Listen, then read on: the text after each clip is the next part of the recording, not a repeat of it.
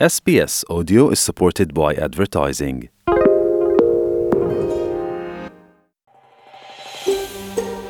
شما با پروگرام دری رادیوی SBS هستید گزارشات عالی را در sbs.com.au دری پیدا کنید شنونده های عزیز حال همکار ما سام انوری درباره تازه ترین رویدادها و تحولات در ارتباط به شیوع کووید 19 معلومات میتن آقای انوری سلام عرض می کنم خب اولتر از همه اگر درباره تحولاتی که در ایالت ویکتوریا رخ داده معلومات بتین. گفتم میشه که در ای ایالت سر از روز جمعه پوشیدن اجباری ماسک لغو خواهد شد. بله؟ با سلام به شما و شنوندگان عزیز. بله همانطوری که شما اشاره کردید حکومت ویکتوریا در سالگرد آغاز برنامه واکسیناسیون کووید 19 خود اعلام کرد که از آخر هفته پوشش اجباری ماسک و مقررات کار از خانه را لغو می‌کنه و عملهای جراحی انتخابی را هم از سر می‌گیره. بنابراین از ساعت 11 و 59 جمعه شب 25 فوریه به بعد پوشش ماسک در اکثر مواقع اجباری نخواهد بود و فقط شرایط و مراکز خاص در شرایط و مراکز خاص از جمله هنگام استفاده از وسایل حمل و نقل عمومی و مراجعه به شفاخانه ها و همچنین برای کارگران مغازه ها و مراکز پذیرایی مثل رستوران و قهوه خانه و غیره اجباری میماند. دانیل اندروز نخست وزیر ویکتوریا در باره گفت که از روز جمعه ویکتوریا به سوی شرایطی پیش میره که اساسا یا هیچ گونه مقررات کرونایی وجود نداره یا اگر وجود هم داره با آنچه که دو سال پیش یا یک سال پیش داشتیم اصلا قابل مقایسه نیست. شاگردان مکاتب ابتدایی از سنت سوم و بالا هم هنگام حضور در سنهای درسی باید ماسک بپوشند که آقای اندروز گفت تصمیم تا حدودی به دلیل میزان کمی واکسیناسیون است. قابل یادآوری است که تا اکنون حدود 54 درصد کودکان 5 تا 11 ساله در ویکتوریا واکسین زدند. همچنین از دوشنبه آینده جراحی های انتخابی و غیر عاجل در شفاخانه ها از سر گرفته میشند و کارکنان دفتری هم می‌تونند به کار از راه دورشان پایان بتند و به دفاتر کاری خود برگردند. همزمان با این تصمیم در شبانه روز گذشته 6786 مورد تازه ابتلا به کرونا در ویکتوریا شناسایی شده و 14 تن از اثر بیماری جان باختند در حال حاضر 345 بیمار کرونا در شفاخانه های ویکتوریا بستری هستند که 48 تن اونها تحت مراقبت شدید قرار دارند و 8 تن با کمک دستگاه نفس می‌کشند. حکومت ویکتوریا همچنین به مناسبت سالگرد آغاز برنامه واکسیناسیون در ایالت میگه که در دوازده ماه گذشته بیش از 14 میلیون دوز واکسن را تطبیق کرده. بله خب گفتم که در ایالت کوینزلند هم ماه آینده یعنی در مارچ بعضی از محدودیت ها رفع خواهد شد و محدودیت ها در مجموع کاهش خواهد یافت. بله؟ بله مقامات ایالت کوینزلند امروز اعلام کردند که از ساعت شش روز جمعه تاریخ 4 مارچ پوشیدن ماسک در محل های کاری، مکاتب و مغازه ها اجباری نخواهد بود. همچنین در مراکز پذیرایی قبل رستوران ها، قهوه خانه ها، بارها و غیره پوشیدن ماسک برای مشتریان و کارگران اجباری نمی باشد.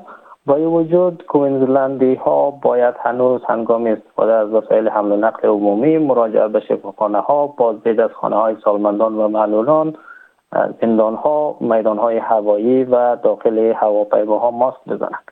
همچنین از تاریخ 4 مارس و بعد هیچ محدودیتی بر تعداد افراد در مهمانی ها و دید و بازدیدهای خانگی وجود نخواهد داشت و محدودیت بر تعداد افراد در مراسم خاکسپاری عروسی سالن های غذاخوری سلمانی و آرایشگاه سالن های بدنسازی سالن های مراسم خصوصی و دانشگاه ها لغو میشه همزمان با این کوینزلند در شبانه روز گذشته 5583 مورد تازه ابتلا به کووید 19 و 5 مورد مرگ از اثر بیماری ثبت کرده. در حال حاضر 380 بیمار کرونا در شفاخانه های ایالت بستری هستند که از جمله سی تن تحت مراقبت شدید قرار دارند و از جمله این سی تن 11 نفر به کمک دست پا نفس می‌کشند بله خب می‌تونین بگوین که وضعیت واکسیناسیون در استرالیا از چی قرار است؟ بله با اضافه شدن کودکان 5 تا 11 ساله به برنامه واکسیناسیون در اوایل ماه جنوری اندک بیشتر از 94 درصد کل جمعیت کشور واجد شرایط دریافت واکسین شناخته میشن. از این میان تا اکنون 85.5 درصد تحت پوشش برنامه واکسیناسیون قرار گرفته. حدود 79.5 درصد با دو دوز بیشتر از 42 درصد با سه دوز و 6 درصد دیگر با یک دوز واکسینه شدند در مجموع تا اکنون بیش از 53 میلیون و 297 هزار دوز واکسن کرونا در سراسر استرالیا تطبیق شدهاند. قلمرو پایتخت استرالیا با 84.5 درصد واکسیناسیون دو دوزه و 52.79 درصد واکسیناسیون سه دوزه در صدر فهرست کشوری قرار دارد بعد از قلمرو پایتخت ایالت تاسمانیا با 83.2 درصد واکسیناسیون دو دوزه و 43.5 درصد واکسیناسیون سه دوزه بیشترین جمعیت واکسینه شده را در سطح کشور دارد.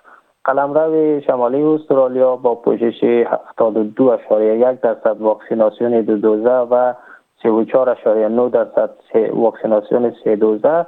کنترین حوزه, حوزه در زمینه واکسین بوده. بله.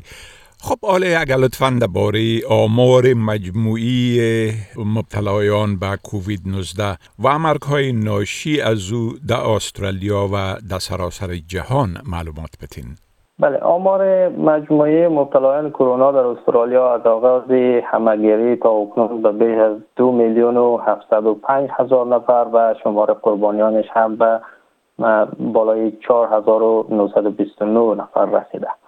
در شبانه روز گذشته علاوه بر ویکتوریا و کوینزلند نیسات ولز 8752 مورد ابتلا و 14 مورد مرگ تاسمانیا 820 مورد ابتلا و کانبرا هم 583 مورد ابتلا ثبت کردند. در سطح جهان آمار گزارش شده مبتلایان کرونا به بالای 425 میلیون و 643 هزار نفر و شمار قربانیانش هم به بیش از 5 میلیون و 893 هزار نفر رسیده.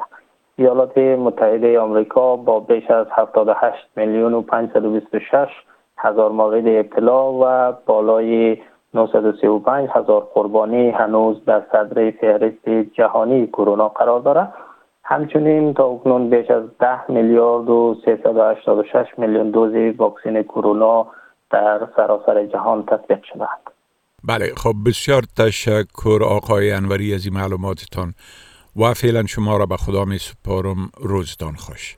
تشکر از شما. خدا نگهدار. بپسندید شریک سازید و نظر دهید. اسپیس دری را در فیسبوک تعقیب کنید.